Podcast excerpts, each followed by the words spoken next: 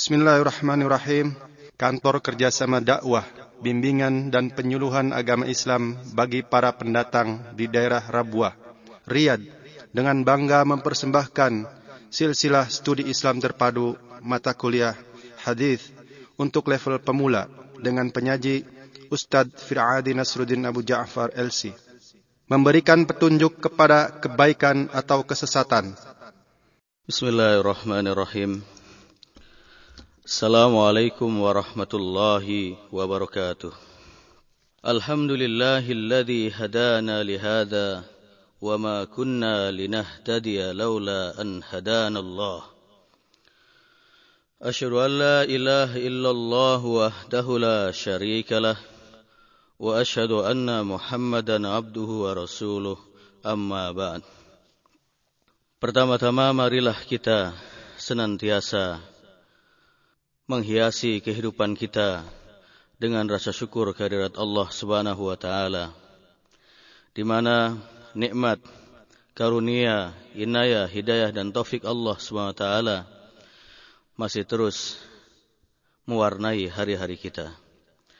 Salawat dan salam semoga senantiasa tercurahkan kepada Rasul junjungan kita Nabi Agung Muhammad sallallahu alaihi wasallam sebagai kedua hasanah kita di dalam meniti hidup dan kehidupan ini. Jamaah sekalian yang dirahmati oleh Allah Subhanahu wa taala. Pada pertemuan ini kita akan bersama-sama menggali tentang mutiara hadis yang ketiga yaitu ad-dalalah 'alal khair awid dalalah. Memberikan petunjuk kepada kebaikan atau kesesatan. عن أبي هريرة رضي الله عنه أن رسول الله صلى الله عليه وسلم قال من دعا إلى هدى كان له من الأجر مثل أجور من تبعه لا ينقص ذلك من أجورهم شيئا. ومن دعا إلى ضلالة كان عليه من, الأج من الإثم مثل آثام من تبعه لا ينكس ذلك من آثامهم شيئا عن أبي هريرة رضي الله عنه diriwayatkan dari Abu Hurairah radhiyallahu an anna Rasulullah sallallahu alaihi wasallam qaal bahwasanya Rasulullah sallallahu alaihi wasallam pernah bersabda man da ila huda barang siapa yang menyeru, yang mengajak kepada petunjuk, kepada kebaikan. Kana lahu minal ajr, maka baginya pahala mislu ujuri man tabi'ah, seperti pahala orang yang mengikutinya, seperti pahala orang yang mengerjakannya.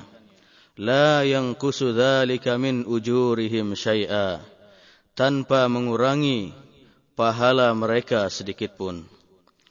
Wa man ila dolala dan barang siapa yang menyeru, yang mengajak kepada kesesatan, kepada dosa, kepada maksiat, kana alaihi minal ithmi, maka baginya atau dia memperoleh dosa. Mislu athami man tabi'ah, seperti dosa orang yang mengikutinya, orang yang mengerjakannya. La yang kusu dhalika min athamihim syai'ah dengan tidak mengurangi dosa-dosa mereka sedikit pun. Hadis riwayat Muslim. Kaum muslimin dan muslimat rahimakumullah. Pembahasan kita yang pertama adalah tarjamatur rawi. Siapakah perawi hadis ini? Perawi hadis ini adalah Abu Hurairah radhiyallahu an. Yang nama aslinya adalah Abdurrahman bin Sakhr Ad-Dausi. Kemudian Abdurrahman bin Sakhr Ad-Dausi berkunyah Abu Hurairah atau biasa dipanggil Abu Hurairah radhiyallahu an. Mengenai asal mula dia dipanggil Abu Hurairah diceritakan sendiri oleh Abu Hurairah radhiyallahu an. Jadi ketika ayahku memberi kunyah untukku Abu Hurairah adalah bertepatan dengan ketika pada suatu hari aku sedang mengembalakan kambing. Kemudian aku menemukan beberapa anak kucing betina yang ditinggalkan oleh induknya. Lalu anak-anak kucing betina itu aku pelihara di rumah, aku jaga, aku rawat sedemikian rupa. Ketika ayahku melihat dan mendengar suara anak-anak kucing betina itu, maka aku jelaskan peristiwa yang kualami dan bagaimana penyebab keberadaan kucing-kucing betina itu di rumah di rumahku. Selanjutnya ayahku mengatakan anta Abu Hir. Anta kamu adalah bapaknya kucing. Makanya sejak saat itu Abu Hurairah dipanggil dengan nama kunyahnya yaitu Abu Hurairah. Ia memeluk Islam pada tahun ke-7 Hijriah ketika Rasulullah sallallahu alaihi wasallam dan para sahabat telah berangkat ke Khaybar dalam rangka untuk menaklukkan perkampungan Yahudi itu. Abu Hurairah merupakan sahabat yang paling banyak meriwayatkan hadis Rasulullah sallallahu alaihi wasallam. Padahal kalau kita membuka lembaran-lembaran hidupnya, biografinya, sebenarnya Abu Hurairah tidak menemani Rasulullah sallallahu alaihi wasallam melainkan hanya sekitar tiga tahun saja.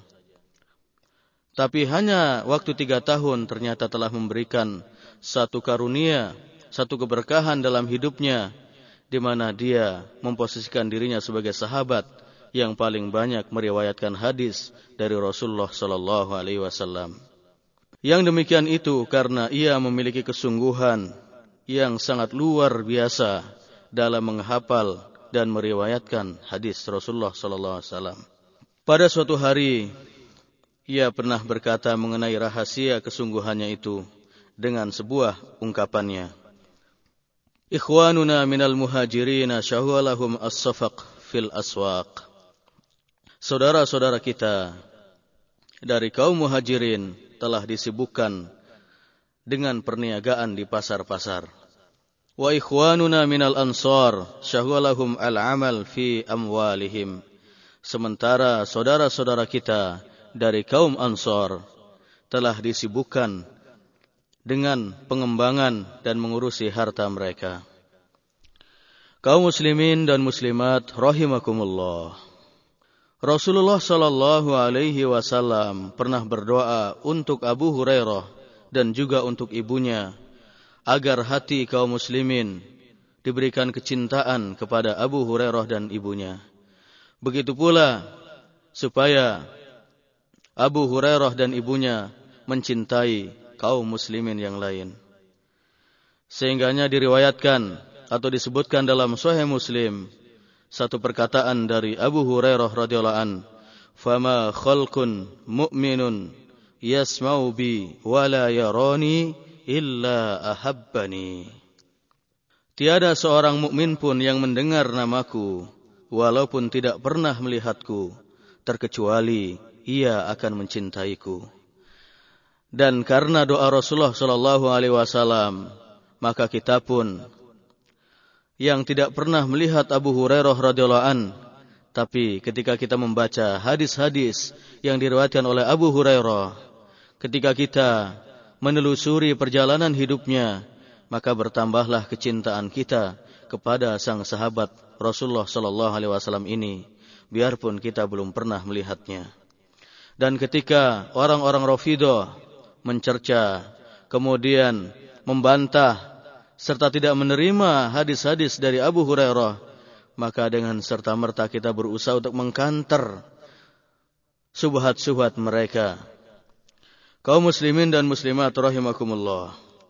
Abu Hurairah radhiyallahu an meriwayatkan hadis dari Rasulullah sallallahu alaihi wasallam sebanyak 5374 hadis yang disepakati kesohihannya yang disepakati kesohihannya dalam Bukhari dan Muslim ada 609 hadis. Ia meninggal dunia pada tahun 57 Hijriah. Itulah terjemah singkat dari perawi hadis ini yaitu Abu Hurairah radhiallahu an. Mudah-mudahan dengan uh, terjemah singkat ini kita semakin mencintai Abu Hurairah radhiyallahu an. Kemudian pembahasan kita yang kedua adalah al-makna al-ijmali lihadzal hadis. Makna umum atau penjelasan hadis ini. Rasulullah Shallallahu Alaihi Wasallam memberikan petunjuknya melalui hadis ini, yaitu berupa anjuran kepada kita selaku umatnya untuk selalu berbuat baik dan menyuruh orang lain kepada kebaikan. Rasulullah Shallallahu Alaihi Wasallam memberikan semacam sugesti bahwa orang yang membimbing, menunjukkan orang lain kepada hidayah, kepada petunjuk, kepada kebaikan, maka ia mendapatkan pahala yang sangat besar di sisi Allah Subhanahu wa taala tanpa mengurangi pahala orang yang mengikutinya sedikit pun. Wabil amsilati wuddihatil maqalah dan dengan contoh dan permisalan maka akan semakin memperjelas pernyataan ini. Misalnya adalah orang yang menjelaskan kepada manusia tentang dua rakaat duha adalah merupakan sunnah Nabi Al-Mustafa. Kemudian ia menjelaskan seyogianya bagi insan beriman untuk senantiasa melaksanakan sholat duha dua rakaat ini tanpa ada keraguan, tanpa ada kebimbangan sedikit pun.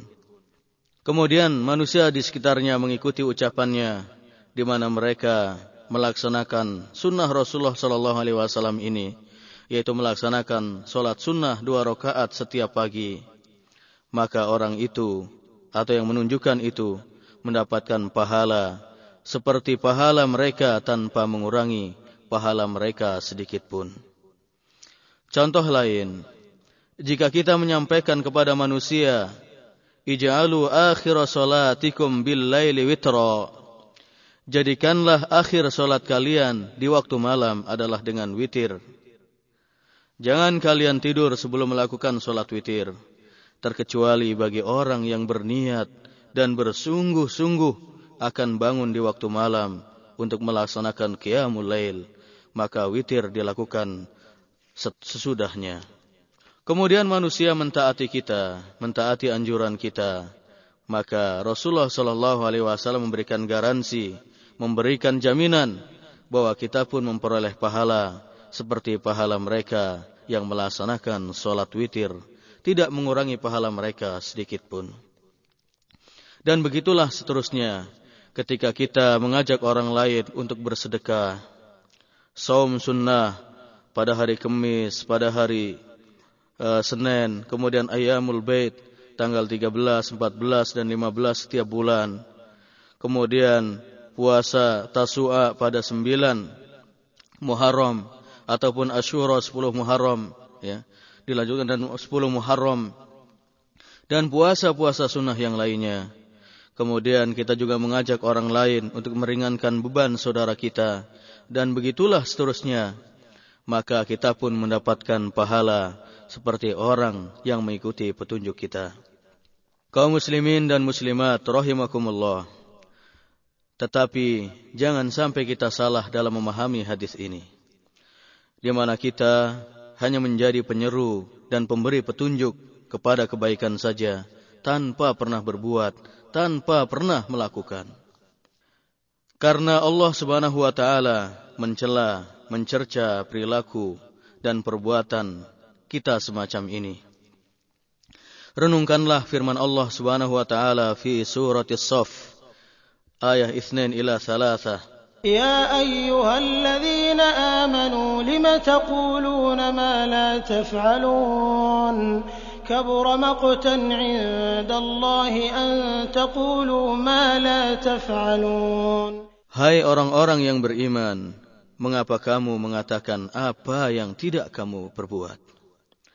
Amat besar kebencian di sisi Allah Subhanahu wa taala bahwa kamu mengatakan apa-apa yang tidak kamu kerjakan.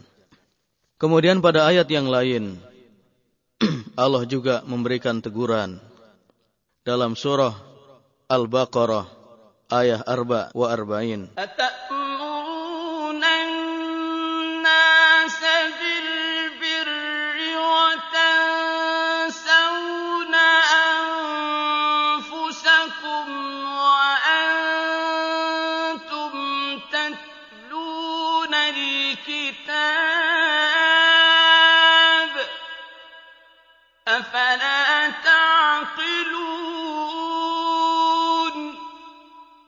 Mengapa kamu suruh orang lain mengerjakan kebajikan, sedang kamu melupakan dirimu sendiri?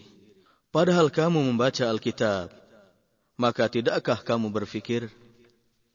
Kaum muslimin dan muslimat rahimakumullah, bahkan hati kita semakin dihantui oleh perasaan takut dan meradang saat kita merenungi hadis Rasulullah sallallahu alaihi wasallam yaitu hadis sahih yang diriwayatkan oleh Imam Bukhari dalam kitab hadisnya.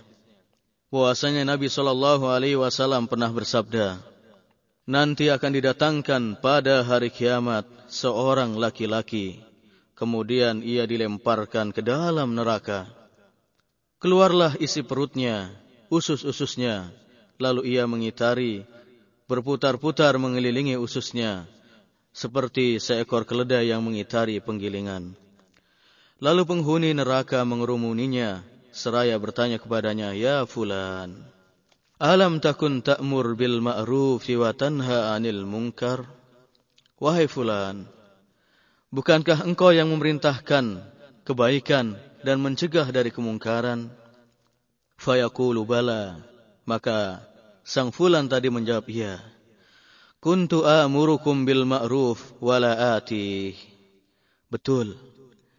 Saya dulu mengajak kalian kepada kebaikan, memerintahkan kalian kepada yang ma'ruf, tapi aku tidak mengerjakannya.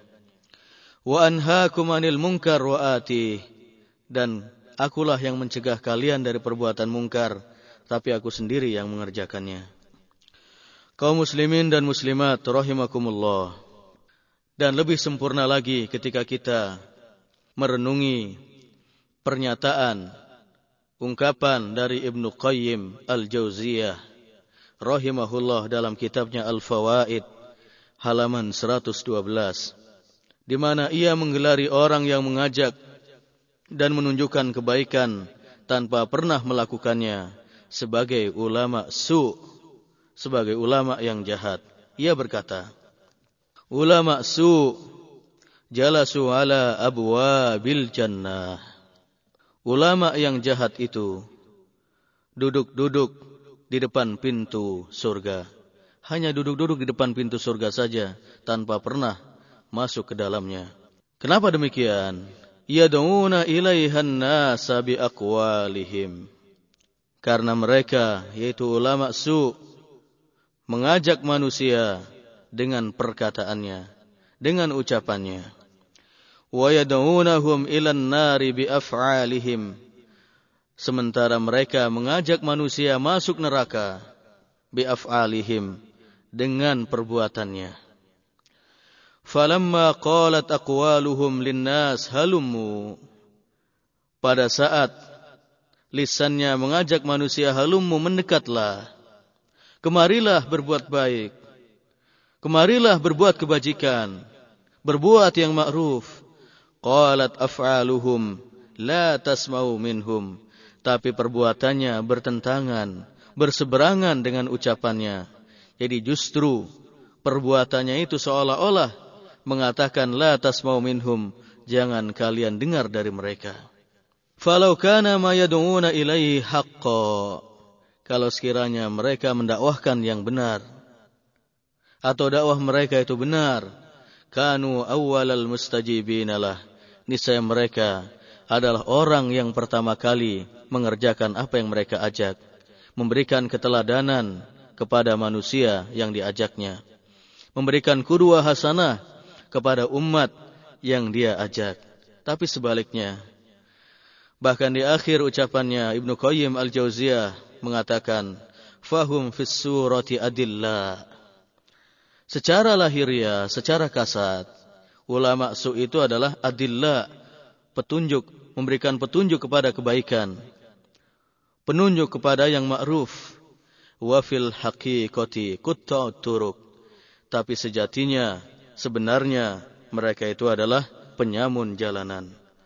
Kaum muslimin dan muslimat yang dirahmati oleh Allah Subhanahu wa taala. Kemudian Rasulullah Shallallahu Alaihi Wasallam menyalut melanjutkan sabdanya, "Wa man ila dolalatin Barang siapa yang menyeru, mengajak kepada kesesatan, kana alaihi minal ithmi, maka baginya memperoleh dosa, mislu athami man tabi'ah, seperti dosa-dosa orang yang mengikutinya. La yang kusu min athamihim syai'a, tanpa mengurangi dosa-dosa mereka sedikit pun. Hal itu seperti orang yang menyeru kepada jual beli dan bermuamalah secara riba. Mengajak kepada minuman keras, kepada narkoba, kepada korupsi yang sekarang lagi marak, yang sekarang lagi banyak diungkap kasusnya. Mengajak kepada suap menyuap, kepada perjudian yang sudah meracuni kehidupan masyarakat kita.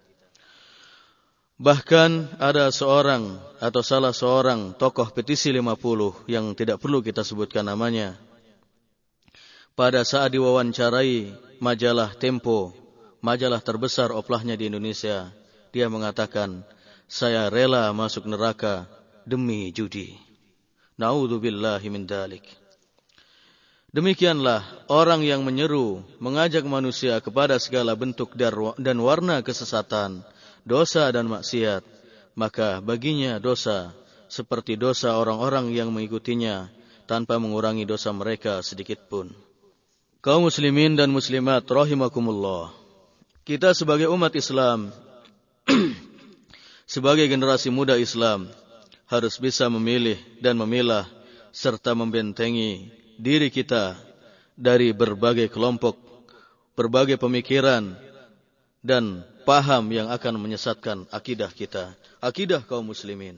Pada tahun 1980-an kita dikejutkan dengan lahirnya faham ataupun golongan Quran atau istilah lain adalah inkarus sunnah. Sebuah kelompok yang bertujuan menyelewengkan Al-Quran dan mengingkari sunnah serta menghancurkan Islam dari dalam. Mereka itu ibarat musang berbulu ayam, musuh dalam selimut, menohok teman seiring, menggunting dalam lipatan. Secara logika, Apakah mungkin kita dapat sholat, puasa, haji, dan bisa mengamalkan Islam secara sempurna dan secara benar tanpa petunjuk as-sunnah? Mustahil. Mustahil. Karena contohnya seperti dalam Al-Quran, Allah SWT berfirman, wa aqimus sholah. Tapi tidak dijelaskan di dalam Al-Quran bagaimana tata cara sholat itu. Kemudian datanglah sunnah dengan mengajarkan bagaimana tata cara solat. Sallu kama ra'aitumuni usolli. Solatlah kalian sebagaimana kalian melihat aku solat. Begitu pula bagaimana seseorang bisa melaksanakan haji dengan baik dan benar. Ketika mereka atau ketika kita tidak berpedoman kepada sunnah Rasulullah Sallallahu Alaihi Wasallam. Karena perintah haji di dalam Al-Quran bersifat umum. Ya, bersifat umum. Kemudian dijelaskan oleh Rasulullah sallallahu alaihi wasallam tata caranya dengan sabda beliau, "Khudhu anni manasikakum." Ambillah manasik kalian dariku dari apa yang aku contohkan. Mereka ini inkaru sunnah tentang masalah haji, membolehkan haji dilakukan pada empat bulan-bulan haram, yaitu Dhul Qa'dah, Zulhijjah, Muharram dan Rajab. Alasannya karena Allah Subhanahu wa taala telah menjamin keamanannya. Jadi kalau semua orang berkumpul semua pada bulan Zulhijjah, tidak akan ada lagi keamanan namanya. Buktinya ada yang terinjak-injak, ada yang tercopet, kemudian ada yang terlempar, ada yang terkena batu dan lain sebagainya. Itulah alasan mereka. Kemudian tentang puasa Ramadan, mereka hanya mengakui kewajibannya saja, tapi tanpa pernah berbuat, tanpa pernah melakukan puasa Ramadan. Karena memang tata cara pelaksanaan puasa Ramadan tidak ada dalam Al-Quran. Itulah kesesatan-kesesatan mereka. Kaum muslimin dan muslimat rahimakumullah. Meskipun kelompok atau aliran inkarus sunnah telah dilarang di Indonesia berdasarkan keputusan Jaksa Agung Ismail Soleh SH tertanggal 30 September 1983, tapi tidak menutup kemungkinan masih banyak umat Islam Indonesia yang teracuni pemikiran-pemikiran mereka. Kaum muslimin dan muslimat rahimakumullah. Di penghujung tahun 1090-an, 1990-an, kita juga tercenung dan dikejutkan dengan munculnya jamaah Salamullah yang dipimpin oleh Lia Aminuddin. Di mana wanita ini mengatakan pernah bertemu dan menerima wahyu dari malaikat Jibril. Kemudian dia pun mengaku sebagai Siti Maryam, sebagai Maryam, ibunya Nabi Isa alaihissalam. Kemudian di akhirnya juga dia mengaku sebagai Imam Mahdi yang ditunggu. Pengikutnya pun cukup banyak, ada delapan puluhan. Bahkan yang sangat mengherankan adalah bahwa Zainab Lukfiati yang pernah menjadi pengasuh rubrik konsultasi psikologi di majalah Hidayatullah juga terseret ke dalam jamaah ke dalam jamaah Salamullah ini bahkan dia menjadi sekretaris dari Lia Aminuddin. Kemudian dalam ritual keagamaan yang sangat menyesatkan adalah acara peluburan dosa di mana teknisnya jamaah pria di tempat yang tersendiri, kemudian juga jamaah wanitanya. Lalu masing-masing mereka telanjang bulat. Selanjutnya satu persatu mereka melewati api unggun yang sudah disiapkan. Dengan demikian, dosa-dosa mereka akan lebur sudah, dosa-dosa mereka akan terampuni. Ini ajaran dari mana? Pernahkah Rasulullah Shallallahu Alaihi Wasallam mengajarkan acara ritual keagamaan pelebur dosa semacam ini? Dan pernah pulakah para sahabat yang mulia yang langsung dididik oleh Rasulullah Shallallahu Alaihi Wasallam juga melakukan hal yang sama? Pernahkah para tabi'in seperti Uwais Al-Qarni, Hasan Al-Basri, kemudian Said bin Al-Musayyib, rahimahumullah, dan yang lainnya mengajarkan acara ritual keagamaan semacam ini? Atau para tabi'ut tabi'in seperti Abdullah bin Mubarak ataupun yang lainnya mengajarkan hal semacam ini tidak ada. Bagaimana mungkin dia mengaku sebagai Maryam atau Imam Mahdi? Namun herannya kaum muslimin dan muslimat yang dirahmati oleh Allah SWT. Sesesat apa pun sebuah jamaah ketika digulirkan di tanah air kita, tetap saja ada yang mengikutinya. Bahkan pengikut Salamullah ini ada juga seorang dokter, ada seorang doktor, ada seorang master dan lain sebagainya. Kaum muslimin dan muslimat rahimakumullah. Kemudian paham liberal yang dinahkodai yang diarsitekai oleh Ulil Absar Abdallah. Akhir-akhir ini juga banyak meracuni pemikiran umat Islam di negeri kita. Kelompok liberal yang didanai oleh TAF, The Asia Foundation, sebuah LSM internasional yang acap kali memberikan bantuan dana semacam ini. Hal itu diakui sendiri oleh Ulil Absar Abdallah saat ia diwawancarai oleh majalah Hidayatullah Desember 2004. Ia mengaku dapat kucuran dana sebesar 1,4 miliar setiap tahun dari TAF, The Asia Foundation, untuk tujuan mendorong politik sekuler di Indonesia. Termasuk dalam paham ini, ada seorang wanita yang bernama Dr. Siti Musdah Mulia, wanita kelahiran Bone, Sulawesi Selatan, tahun 1958 yang selalu mengusung dan memperjuangkan kesetaraan gender dalam seminar-seminar dan sarasehan-sarasehan yang dia lakukan. Bahkan untuk membumikan ide-idenya yang sesat itu, ia telah menelurkan beberapa buku-buku seperti Muslimah Reformis, Perempuan Pembaru Keagamaan yang diterbitkan oleh Mizan Januari 2005. Dalam bukunya ini, Musdah mulia menolak jika perkawinan dikaitkan dengan ibadah. Jadi dia menolak perkawinan dikaitkan dengan ibadah kepada Allah Subhanahu wa taala seperti tercantum dalam Undang-Undang Nomor 1 Tahun 1974 yaitu Undang-Undang Perkawinan. Menurutnya, perkawinan adalah sebuah kontrak biasa atau perdata yang tidak memiliki kaitan apa pun dengan Tuhan. Bahkan Musda mulia menolak keras hukum poligami. Dalam buku-bukunya di antaranya seperti Islam menggugat poligami ia mengusulkan pelarangan poligami secara mutlak di Indonesia atau di mana saja. Karena poligami dipandang sebagai kejahatan terhadap kemanusiaan, kejahatan terhadap perempuan. Adapun Masdar F. Mas'udi, Ketua Pusat Pengembangan Pesantren dan Masyarakat P3M ini, pernah mengatakan bahwa ibadah haji tidak hanya dilakukan di bulan Dhul Hijjah saja, namun bisa dilakukan di bulan-bulan yang lain. Ala kulihal, secara umum, haji bisa dilakukan pada tiga gelombang, kata dia.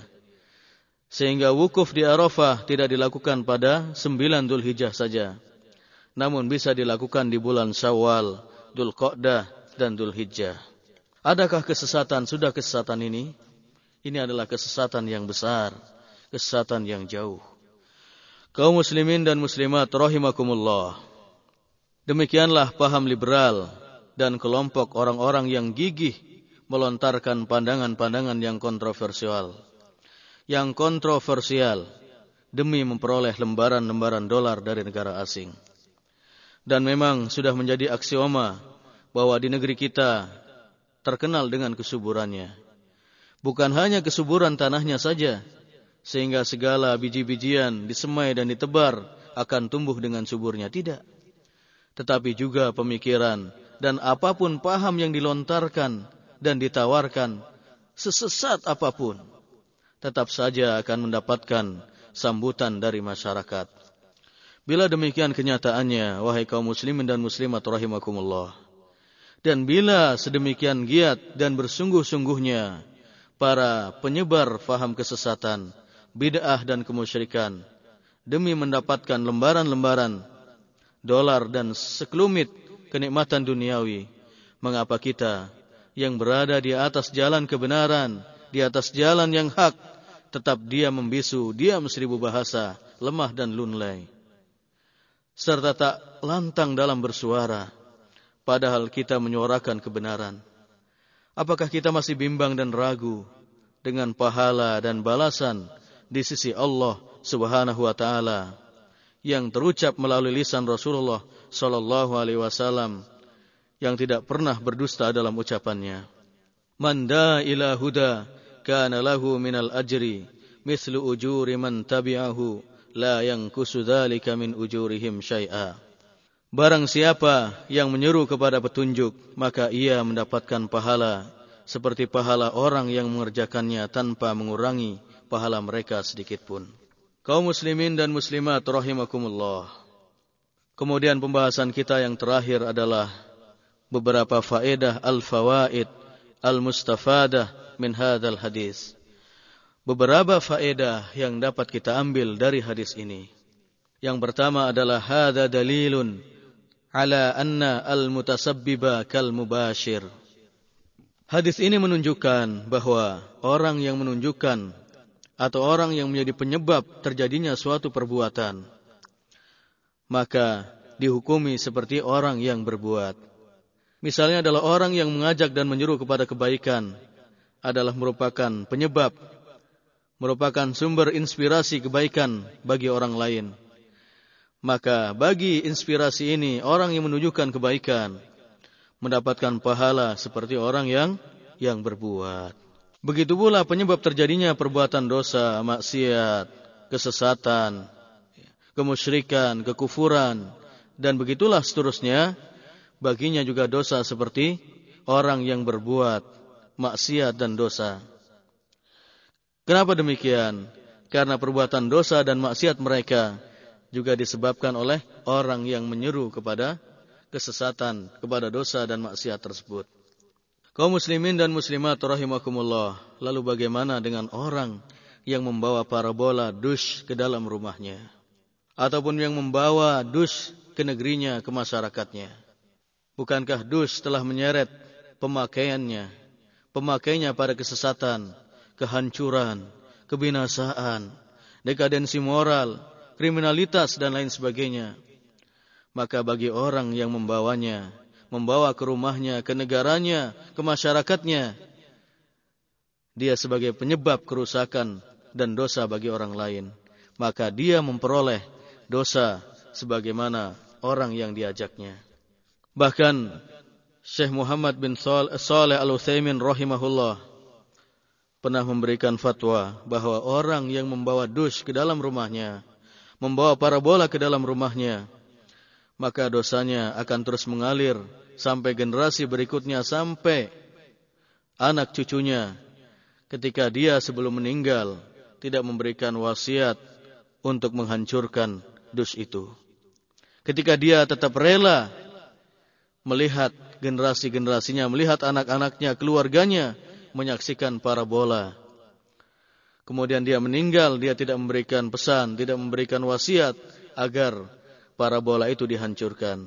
Maka begitulah ketika dia sudah meninggal, kemudian anak cucunya terus menggunakan dus parabola tersebut, maka dosa-dosanya tetap mengalir bagi dirinya. Sebagaimana pahala juga bisa mengalir karena amalan baik kita. Bahkan Syekh bin Bas rahimahullah ketika ditanya tentang masalah parabola ini, beliau memberikan fatwa, tahrimu istimalihi fil buyuti wa ghairiha. Diharamkan menggunakan parabola di rumah ataupun di tempat-tempat yang lain. Wa tahrimu bai'ihi wa syira'ihi wa sina'atihi aidha. Begitu pula diharamkan jual beli, pembuatannya dan lain sebagainya lima fi dzalika min ad-dararil azim wal fasadil kabir. Karena parabola telah menetaskan, telah mengantarkan kepada bencana yang teramat besar, mudarat yang tidak sedikit dan kerusakan yang agung. Karena itu juga merupakan bentuk dari at-ta'awun 'alal ismi wal udwan. Merupakan bentuk dari tolong menolong dan kerjasama dalam dosa dan permusuhan. Wa nashril kufur menyebarkan kekufuran wal fasad dan kerusakan bainal muslimin di tengah-tengah kaum muslimin. Maka kita ingatkan kepada kita barangkali yang aktif melihat parabola, kemudian mengajak orang lain menonton parabola, maka ingatlah bahwa dosa-dosa kita akan terus mengalir. Dosa kita akan mendapatkan dosa seperti orang yang menyaksikan. Nauzubillahi min dalik. Kemudian faedah yang kedua dari hadis ini adalah fadlud dalalati 'alal khair wal hathi 'alaih wa anna thawabahu azim. Keutamaan orang yang menunjukkan kepada kebaikan dan anjuran untuk mengerjakannya serta pahalanya yang sangat besar. Di dalam hadis yang lain yang diriwayatkan oleh Imam Muslim, Rasulullah Shallallahu alaihi wasallam pernah bersabda, man dalla ala khairin falahu mithlu ajri fa'ilihi. Barang siapa yang menunjukkan kepada kebaikan, maka baginya atau dia mendapatkan pahala seperti orang yang mengerjakannya. Kemudian faidah yang ketiga adalah anna thawabal mu'ta liddali alal khair la yankusu min ujuri man tabi'ah pahala yang diberikan kepada orang yang menunjukkan kepada kebaikan tidak mengurangi pahala orang yang mengikutinya. Atau dengan bahasa yang lain, bahwa pahala yang diberikan kepada orang yang memberikan petunjuk kepada kebaikan tidak diambilkan dari pahala orang yang mengikutinya. Subhanallah, ini adalah merupakan bentuk karunia Allah SWT dan kemurahannya yang teramat besar kepada hamba-hambanya. Kemudian yang terakhir adalah al-wa'idus syadid liman da'ila bid'atin aw dolalah wa kana sababan fin hirafin nas anil haq. Ancaman yang besar bagi orang yang mengajak kepada bid'ah, kepada kesesatan yang menyebabkan manusia tersesat dari jalan Allah, yang menyebabkan manusia menyimpang dari jalan yang hak. Kaum muslimin dan muslimat yang dirahmati oleh Allah Subhanahu wa taala. Mudah-mudahan setelah kita mengkaji hadis ini, kita siap menjadi panah-panah dakwah yang siap diluncurkan, menebarkan kebaikan dan membunuh segala warna kesesatan, bid'ah, kekufuran, kemusyrikan dan yang senada dengan itu. Hadanallahu wa iyyakum ajmain wa ala sayyidina Muhammad wa ala alihi wa ajmain. سبحانك اللهم وبحمدك أشهد أن لا إله إلا أنت أستغفرك وأتوب إليك والسلام عليكم ورحمة الله وبركاته. أدب أدب makan dan minum. بسم الله الرحمن الرحيم السلام عليكم ورحمة الله وبركاته. الحمد لله نحمده ونستعينه ونستغفره ونتوب إليه. ونعوذ بالله من شرور أنفسنا ومن سيئات أعمالنا. من يهده الله فلا مضل له ومن يضلله فلا هادي له. أشهد أن لا إله إلا الله وحده لا شريك له وأشهد أن محمدا عبده ورسوله. أما بعد. يا أيها الذين آمنوا اتقوا الله حق تقاته ولا تموتن إلا وأنتم مسلمون. يا أيها الناس اعبدوا ربكم الذي خلقكم من نفس واحدة وخلق منها زوجها وبث منهما رجالا كثيرا ونساء. واتقوا الله الذي تساءلون به والأرحام إن الله كان عليكم رقيبا. يا أيها الذين آمنوا اتقوا الله وقولوا قولا سديدا. يصلح لكم أعمالكم ويغفر لكم ذنوبكم. ومن يطع الله ورسوله فقد فاز فوزا عظيما. Kaum muslimin dan muslimat yang dirahmati oleh Allah Subhanahu wa taala berbahagia sekali pada kesempatan ini kita masih dipertemukan oleh Allah Subhanahu wa taala dalam rangka untuk melanjutkan penggalian kita tentang mutiara hadis Rasulullah sallallahu alaihi wasallam.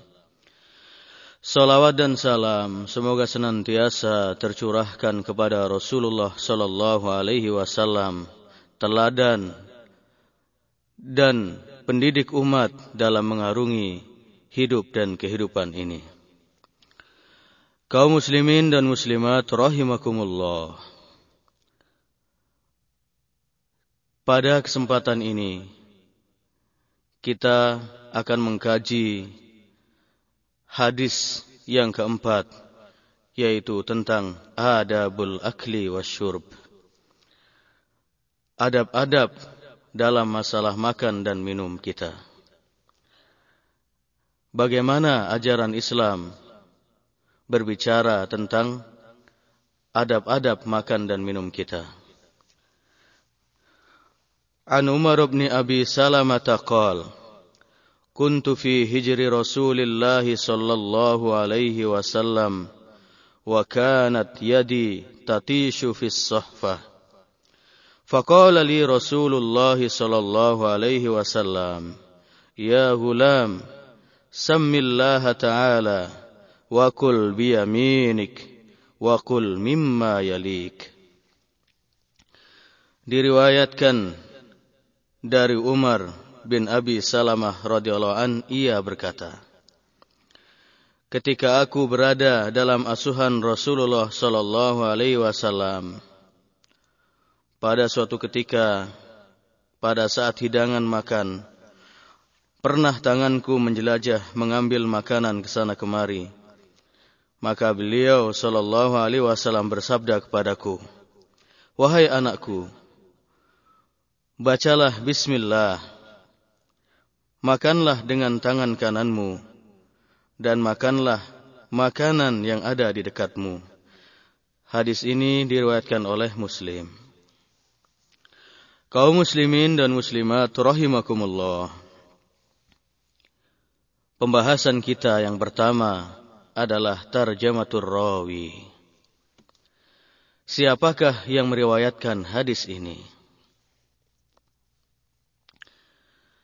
Yang meriwayatkan hadis ini adalah Umar bin Abi Salamah bin Abdul Asad Al-Makhzumi Al-Qurashi Abu Habs. Ia bergelar Rabibun Nabi sallallahu alaihi wasallam. Rabibun Nabi sallallahu alaihi wasallam. Jadi gelar dari sang sahabat ini adalah anak tiri Rasulullah sallallahu alaihi wasallam. Ia dilahirkan di negeri Habasyah pada tahun kedua Hijriah.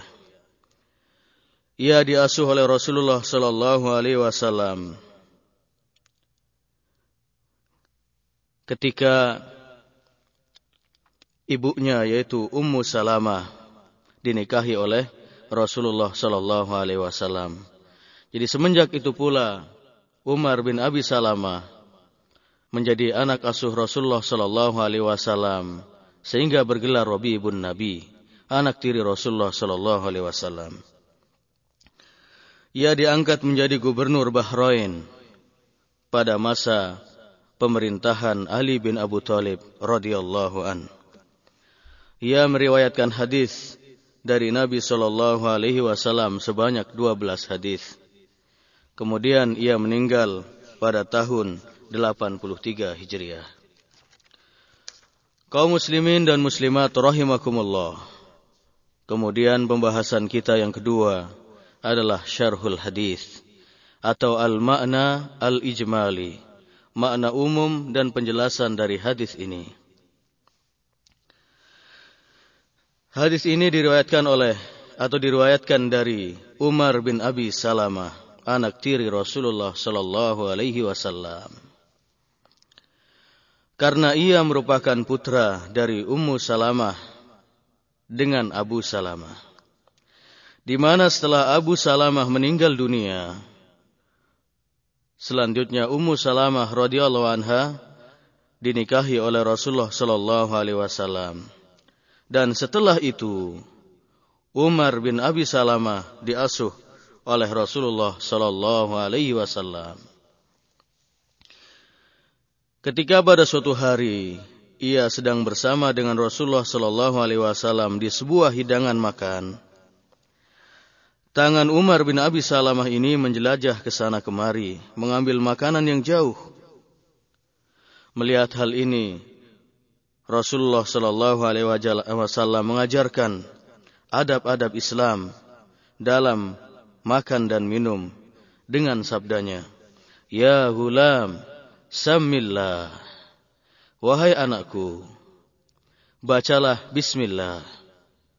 Wakul biyaminik dan makanlah dengan tangan kananmu. Wakul mimma yalik. Dan makanlah apa yang ada di dekatmu.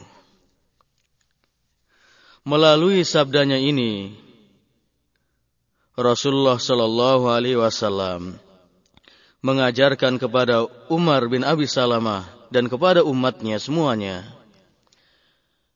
kepada umatnya seluruhnya hingga akhir zaman tentang tiga adab dalam makan dan minum kita. Yang pertama adalah samillah. Jadi sebelum makan dan minum kita mengucapkan basmalah yaitu bismillah. Kaum muslimin dan muslimat yang dirahmati oleh Allah Subhanahu wa taala.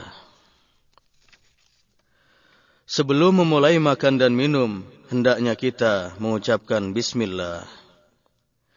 Tidak pantas kita meninggalkannya. Tidak pantas dan tidak patut sama sekali ketika kita hendak makan, kita tidak mengucapkan bismillah. Dan jika kita tidak mengucapkannya, maka syaitan akan turut andil dalam makan dan minum kita. Dan jika kita menyempurnakan bacaan bismillah dengan bismillahirrahmanirrahim juga tidak mengapa. Adapun petunjuk Rasulullah sallallahu alaihi wasallam ini atau dalam hadis ini yaitu samillah, bacalah bismillah dimaksudkan untuk mengingatkan kita agar selalu menyebut dan mengingat Allah dalam makan kita. Sedangkan ucapan basmalah yang sempurna adalah Bismillahirrahmanirrahim. Sebagaimana kita temukan di permulaan setiap surat kecuali dalam surah At-Taubah. Dan sebagaimana pula surat Nabi Sulaiman alaihi salam kepada Ratu Bilqis yang yang diabadikan Allah Subhanahu wa taala di dalam Al-Qur'an. Fi suratin Naml ayat 30 Innahu min Sulaiman wa innahu bismillahirrahmanirrahim. Sesungguhnya surat ini dari Sulaiman dan sesungguhnya isinya dengan menyebut nama Allah yang Maha Pemurah lagi Maha Penyayang. Syekh Muhammad bin Saleh Al-Utsaimin rahimahullah berkata, "Jika engkau mencukupkan dengan ucapan bismillah, maka hal itu tidaklah mengapa. Namun jika engkau menambahnya dengan bismillahirrahmanirrahim, juga tidak mengapa." karena ruang dalam masalah ini cukup luas dan tidak sempit. Kemudian adab yang kedua yang diajarkan oleh Rasulullah Shallallahu Alaihi Wasallam dari hadis ini adalah wakul biyaminik. Makan dan minumlah dengan tangan kanan. Tidaklah etis bagi seorang muslim makan dan minum dengan tangan kirinya. Karena makan dan minum dengan menggunakan tangan kiri adalah tata cara makan dan minum yang diajarkan oleh syaitan laknatullah. Padahal Allah Subhanahu wa taala telah melarang kita selaku hamba-hambanya yang beriman untuk mengikuti jejak langkah syaitan. Sebagaimana firman Allah Subhanahu wa taala fi suratin Nur wahid wa ishrin. يا أيها الذين آمنوا لا تتبعوا خطوات الشيطان ومن يتبع خطوات الشيطان فإنه يأمر الفحشاء فإنه يأمر بالفحشاء والمنكر. Hai orang-orang yang beriman. Janganlah kamu mengikuti langkah-langkah syaitan. Barang siapa yang mengikuti langkah-langkah syaitan, maka sesungguhnya syaitan itu menyuruh mengerjakan perbuatan yang keji dan perbuatan yang mungkar. Kaum muslimin dan muslimat rahimakumullah. Syekh Muhammad bin Saleh Al-Utsaimin rahimahullah menjelaskan hadis 20, uh, 299 dari Riyadus Solihin dengan satu ungkapannya. Dengan demikian, pendapat yang soheh, pendapat yang rojih, pendapat yang kuat adalah bahwa makan dan minum adalah dengan menggunakan tangan kanan adalah hukumnya wajib. Sedangkan makan dan minum dengan menggunakan tangan kiri hukumnya adalah haram. Karena hal itu merupakan petunjuk syaitan dan juga merupakan tradisi dari kaum kufar. Kaum muslimin dan muslimat rahimakumullah. Kalau kita lihat dalam realita kehidupan kita saat ini, banyak kita saksikan dalam acara-acara pesta, jamuan, prasmanan, perancisan, dan yang senada dengan itu. Banyak dari kaum muslimin dan muslimat yang telah membeo, terbawa arus budaya barat yang mengajari kita makan dan minum dengan menggunakan tangan kiri.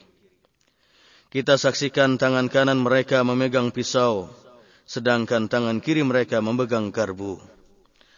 Mereka mengiris-iris makanan, semisal daging, ikan, ataupun yang lain, dengan pisau di tangan kanannya.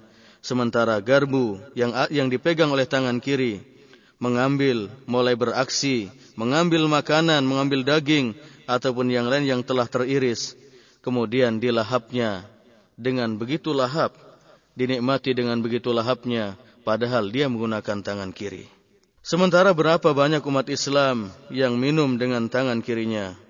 Bila kita tegur dan kita ingatkan bahwa adab-adab Islam dalam makan dan minum adalah menggunakan tangan kanan, bukan tangan kiri. Tetapi justru mereka malah berdalih bahwa jika kita minum dengan tangan kanan, khawatir akan mengotori gelas minumannya. Dan dalil-dalil yang lain juga. Dari argumentasi yang hanya bersandar kepada logika-logika belaka. Kaum muslimin dan muslimat rahimakumullah.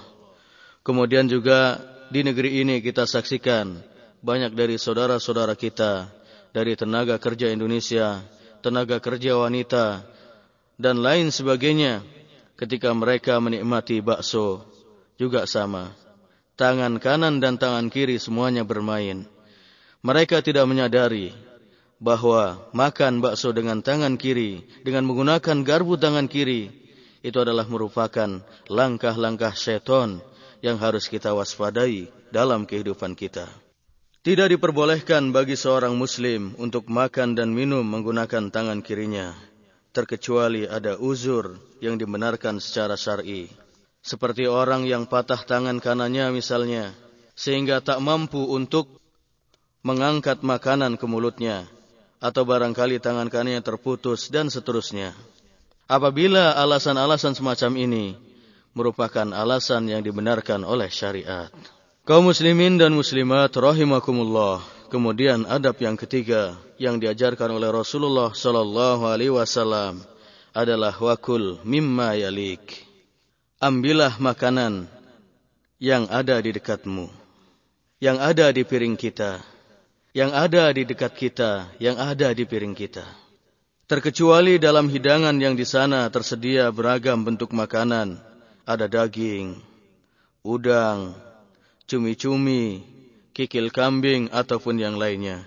Kita boleh mengambilnya meskipun tidak berada di dekat kita. Syekh Abu Bakar Al-Jazairi menyebutkan beberapa adab dan tata kerama dalam masalah makan dan minum dalam kitabnya Minhajul Qasidin. Maaf dalam kitabnya Minhajul Muslim. Syekh Abu Bakar Al-Jazairi hafizahullah membagi adab-adab makan dan minum kita menjadi tiga bagian. Yang pertama adalah adab-adab kita sebelum makan dan minum. Adapun adab-adab kita sebelum makan dan minum adalah sebagai berikut. Yang pertama, kita pastikan bahwa makanan dan minuman kita adalah dari yang halal dan baik, tidak ternodai dengan sesuatu yang haram ataupun syubhat. Hal ini berdasarkan firman Allah Subhanahu wa taala fi suratil Baqarah ayat 172. Ya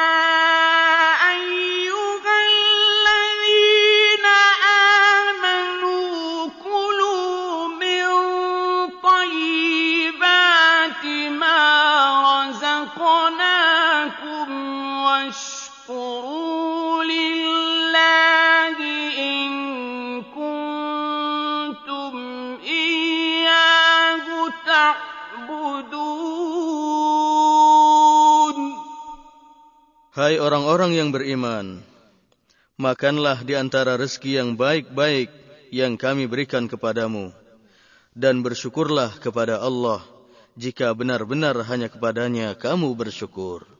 Kaum muslimin dan muslimat rahimakumullah, makanan dan minuman yang toyib yaitu yang baik adalah makanan dan minuman yang halal, yang bersih, yang terhindar dari segala macam kotoran, dosa dan najis.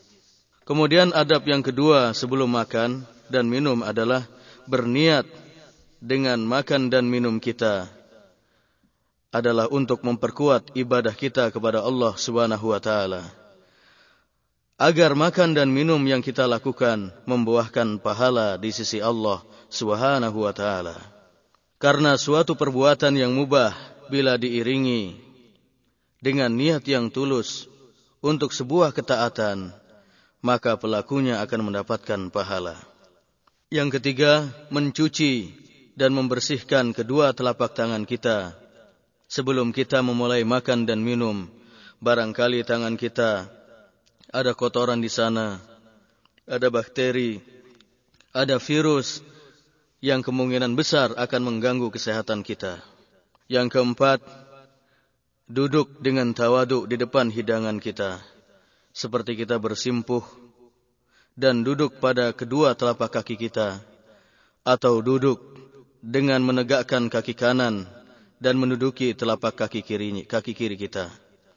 Sebagaimana yang dicontohkan oleh Rasulullah sallallahu alaihi wasallam dalam sabdanya la akulu muttaki'a innama ana abdun akulu kama ya'kulul abd Aku tidak makan dengan menyandarkan tubuhku karena sesungguhnya aku hanyalah seorang hamba Aku makan sebagaimana seorang hamba makan hadis riwayat Bukhari Adab yang kelima adalah kita ridho dengan makanan yang ada. Kita tidak mencela atau mencaci makanan yang tersedia yang barangkali tidak kita sukai. Jika kita suka dengan makanan dan minuman yang tersedia, maka kita menyantapnya dengan dengan penuh kesyukuran. Dan bila tidak kita sukai, maka kita biarkan dan jangan kita iringi dengan celaan ataupun hinaan terhadap makanan yang disediakan oleh istri kita atau oleh orang lain.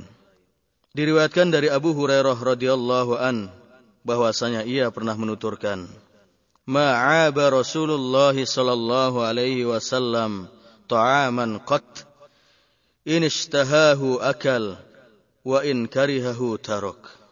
Rasulullah sallallahu alaihi wasallam tidak pernah mencela makanan sedikit pun tidak pernah mencela makanan selamanya.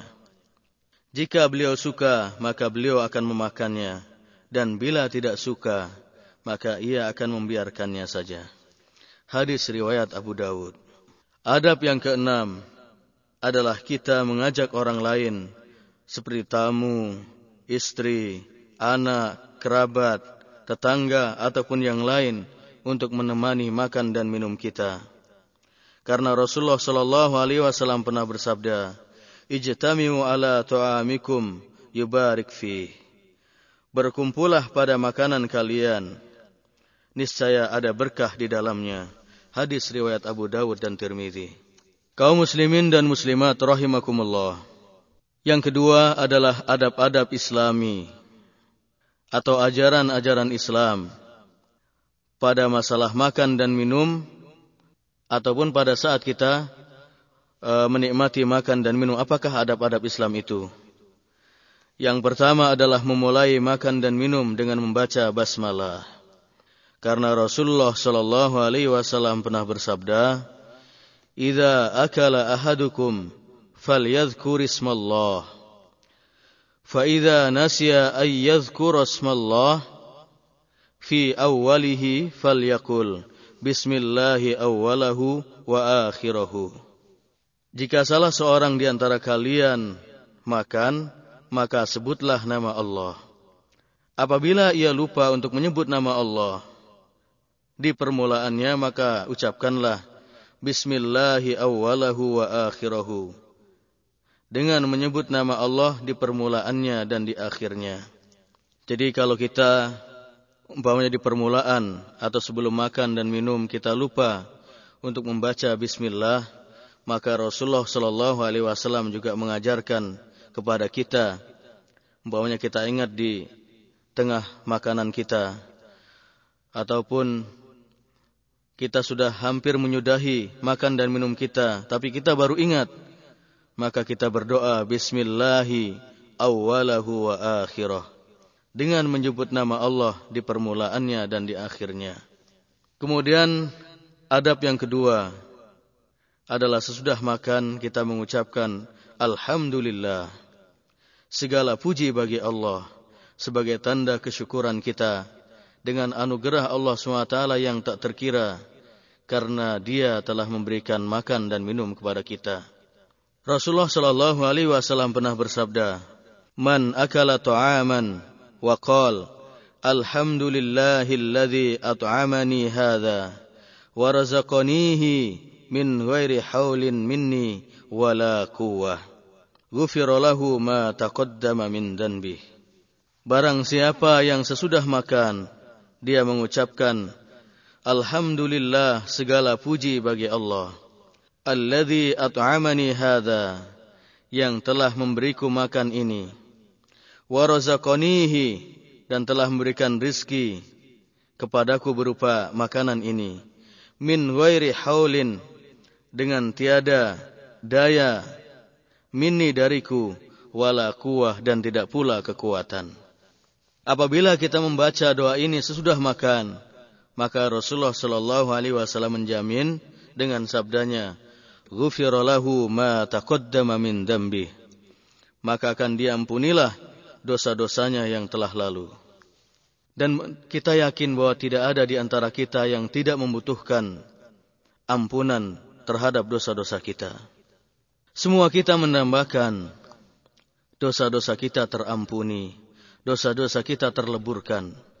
Dan salah satu pelebur dosa kita adalah membaca doa Alhamdulillahilladzi at'amani hadza wa razaqanihi min ghairi haulin minni wala quwwah sesudah makan. Karena Rasulullah telah menjamin dosa-dosa kita akan terampuni. Kaum muslimin dan muslimat rahimakumullah.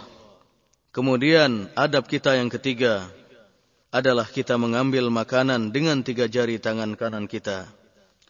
Dan mengambil dari makanan yang ada di sisi pinggir. Baik itu di piring, nampan, ataupun yang lain dan bukan di tengahnya. Karena Rasulullah Shallallahu Alaihi Wasallam mengajarkan kepada kita dalam sebuah sabdanya, al barakatu tanzilu wasatul ta'am, fakulu min hafataihi wala ta'kulu min wasatih. Keberkahan akan turun di tengah-tengah makanan. Maka makanlah dari pinggir ataupun sisi-sisi makanan itu. Wala ta'kulu min wasatih. Dan jangan kalian makan dari tengahnya. Dari tengah piring, tengah nampan ataupun yang lain. Tapi kita makan dari pinggir-pinggirnya terlebih dahulu. Sebagaimana yang dicontohkan oleh Rasulullah sallallahu alaihi wasallam. Kemudian adab yang keempat adalah kita membersihkan makanan yang ada di jari-jari kita dengan jilatan bibir ataupun lidah kita. Sebelum kita mengelapnya dengan tisu ataupun sebelum kita mencuci dan membersihkannya dengan air yang tersedia. Karena Rasulullah sallallahu alaihi wasallam mengajarkan Idza akala ahadukum ta'aman fala yamsah asabi'ahu hatta yal'aqaha aw yul'iqaha. Apabila salah seorang di antara kamu selesai makan, fala yamsah asabi'ahu, janganlah ia menghapus asabi'ahu, janganlah ia mencuci, membersihkan jari-jarinya hingga ia menjilatnya ataupun dijilatkan seperti oleh istrinya ataupun yang lain. Dan barangkali karena kita jauh dari adab-adab Islami selama ini dalam masalah makan dan minum, sehingga ketika kita melihat ada orang lain, ada sebagian saudara-saudara kita yang melakukan sunnah Rasulullah Shallallahu Alaihi Wasallam ini, kita katakan sebagai orang yang jorok, sebagai orang yang tidak memiliki kebersihan dan lain sebagainya. Padahal ini adalah merupakan sunnah Rasulullah Sallallahu Alaihi Wasallam. Jadi kita menjilati bekas makanan kita yang ada di jari-jari dengan lidah ataupun dengan bibir kita. Mudah-mudahan setelah ini kita bisa melakukan sunnah Rasulullah Sallallahu Alaihi Wasallam ini. Adab yang kelima adalah kita ambil makanan yang terjatuh lalu kita bersihkan dan selanjutnya kita memakannya kembali. Karena Rasulullah Shallallahu Alaihi Wasallam mengajarkan, "Ida sakotat lukmatu ahadikum falyakhudha wal yumit anhal ada wal yakulha wala yada'ha lisyaiton." Apabila makanan kalian atau salah seorang dari kalian terjatuh, maka ambillah dan bersihkanlah dari bakteri ataupun yang lain. Dibersihkan. Wal yakulha dan hendaklah ia memakannya. Wala yada'ha lisyaiton dan jangan ia membiarkannya untuk syaitan kaum muslimin dan muslimat rahimakumullah hal ini berarti apabila ada makanan-makanan yang terjatuh kemudian kita biarkan secara otomatis kita telah memberikan kepada musuh kita, musuh bebuyutan kita yaitu syaitan, bagian dari makanan kita. Oleh karena itu, jika kita tidak menghendaki demikian, hendaknya kita mengambil kembali makanan yang terjatuh dari kita, kemudian kita bersihkan, kemudian kita memakannya kembali. Dan begitulah yang diajarkan oleh Rasulullah Shallallahu Alaihi Wasallam. Adab yang keenam adalah kita tidak meniup makanan dan minuman yang panas. Kemudian kita minum dengan tiga nafas di luar tempat minum, di luar gelas kita. Sebagaimana diriwayatkan dari Ibnu Abbas radhiyallahu an anna Nabiy sallallahu alaihi wasallam naha an yutanaffasa fil ina aw yunfakha fihi. Rasulullah sallallahu alaihi wasallam melarang seseorang untuk bernafas di tempat minumnya ataupun meniup gelas minumnya. Hadis ini diriwayatkan oleh Tirmidzi.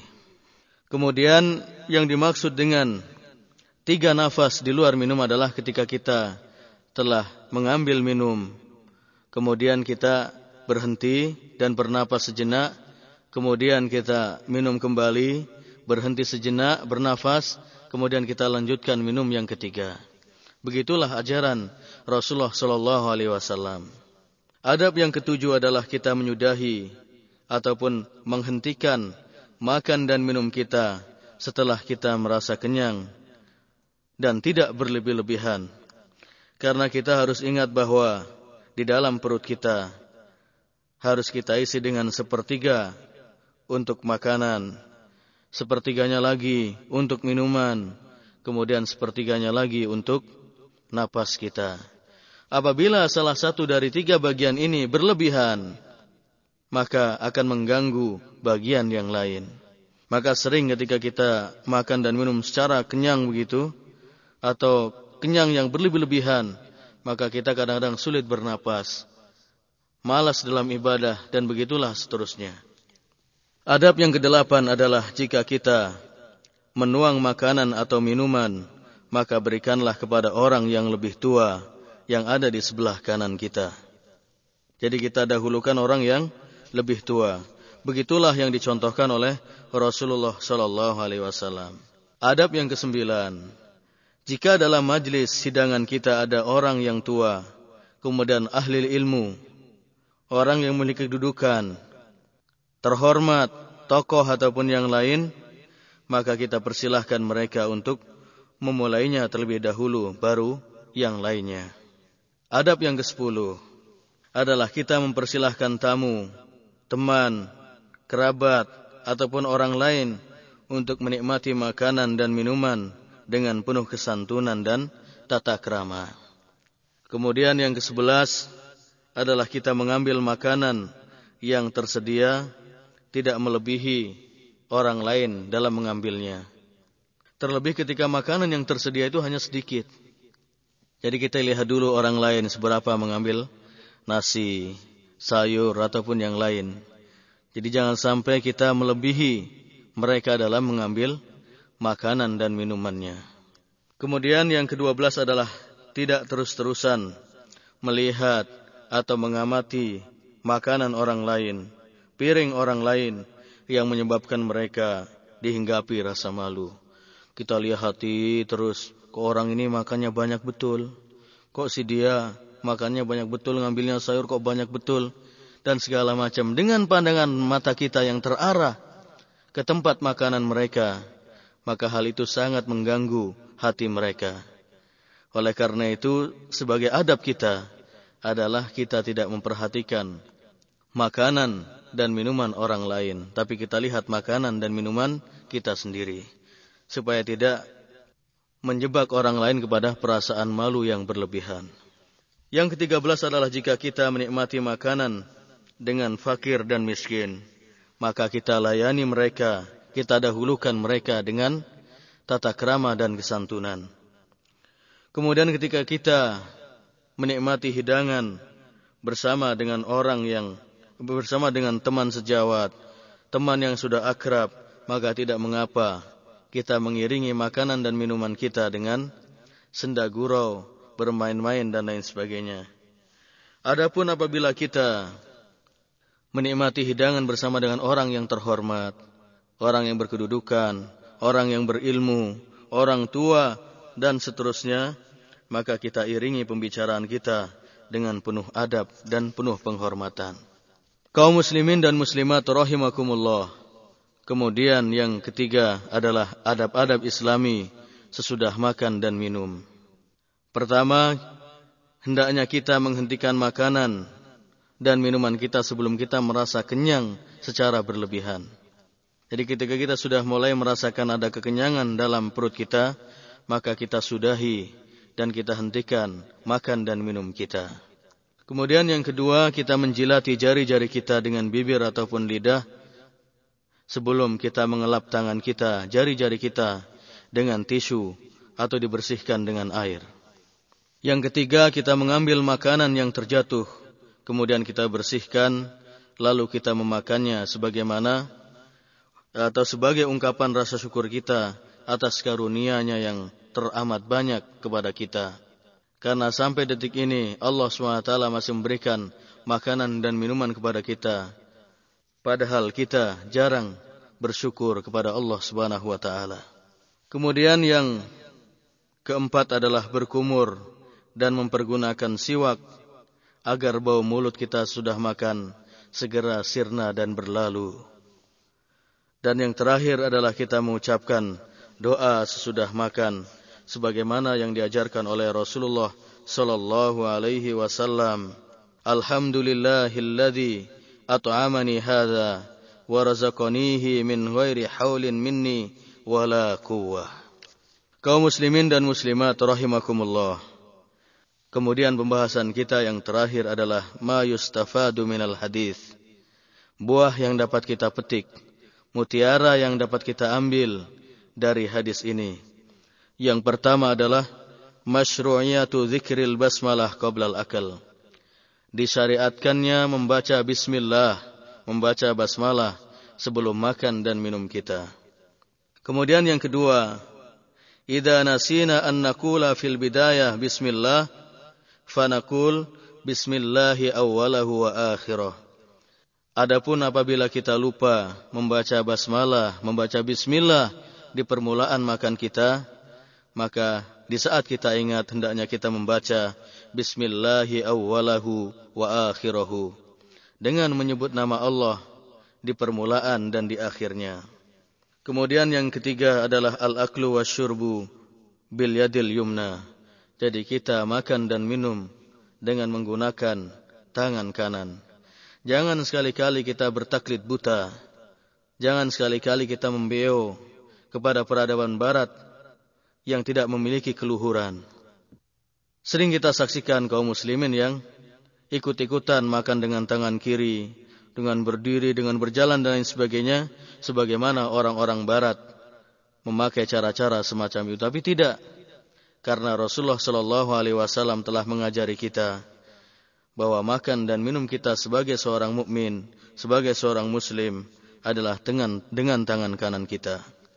Kemudian yang keempat, kita mengucapkan alhamdulillah setelah kita ba'dal intihai minal akl wasyurb setelah kita menyelesaikan makan dan minum kita dan kita harus hafal doa ini yang diajarkan oleh Rasulullah sallallahu alaihi wasallam. Alhamdulillahilladzi at'amani hada wa razaqanihi min ghairi haulin minni wala quwwah. Segala puji bagi Allah yang telah memberiku makan dan memberikan rezeki kepadaku dengan tidak ada daya dan kekuatan dariku. Kemudian yang terakhir, Buah yang dapat kita petik dari hadis ini adalah Idza jalasna ala ta'amin fal na'kul mimma qaruba minna. Apabila kita berada di depan hidangan yang sudah tersedia, maka hendaklah kita mengambil makanan dari apa yang dekat dengan kita. Jangan sampai kita menjelajah ke sana kemari terkecuali apabila memang makanan yang ada di sana cukup beragam sehingga kita bisa meminta bantuan orang lain untuk mengambilkan makanan yang kita sukai seperti daging ataupun yang lain. Kaum muslimin dan muslimat rahimakumullah, Mudah-mudahan adab-adab dalam makan dan minum yang islami ini dapat kita wujudkan dalam kehidupan kita sehari-hari. Ingat, jangan sampai kita merupakan, jangan sampai kita meremehkan amalan yang baik biarpun hanya sederhana.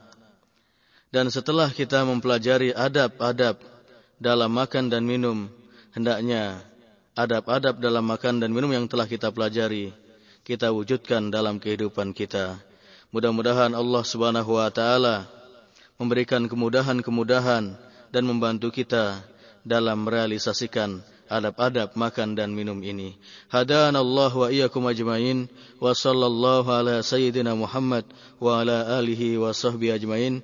Subhanakallahumma wa bihamdika asyhadu an la ilaha illa ant astaghfiruka wa atubu. Wassalamu alaikum warahmatullahi wabarakatuh. Mudah-mudahan Allah Subhanahu wa taala memberikan kepahaman kepada Anda setelah mendengarkan silsilah studi Islam terpadu ini.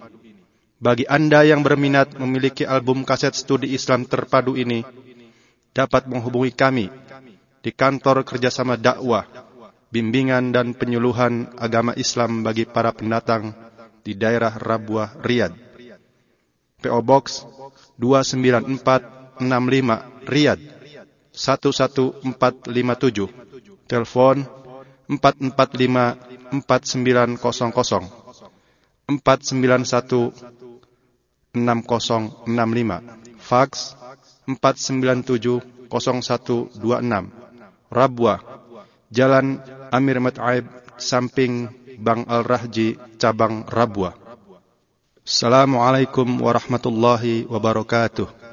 تم تسجيل هذه المادة في استديو المكتب التعاوني للدعوة وتوعية الجاليات بالربوة في مدينة الرياض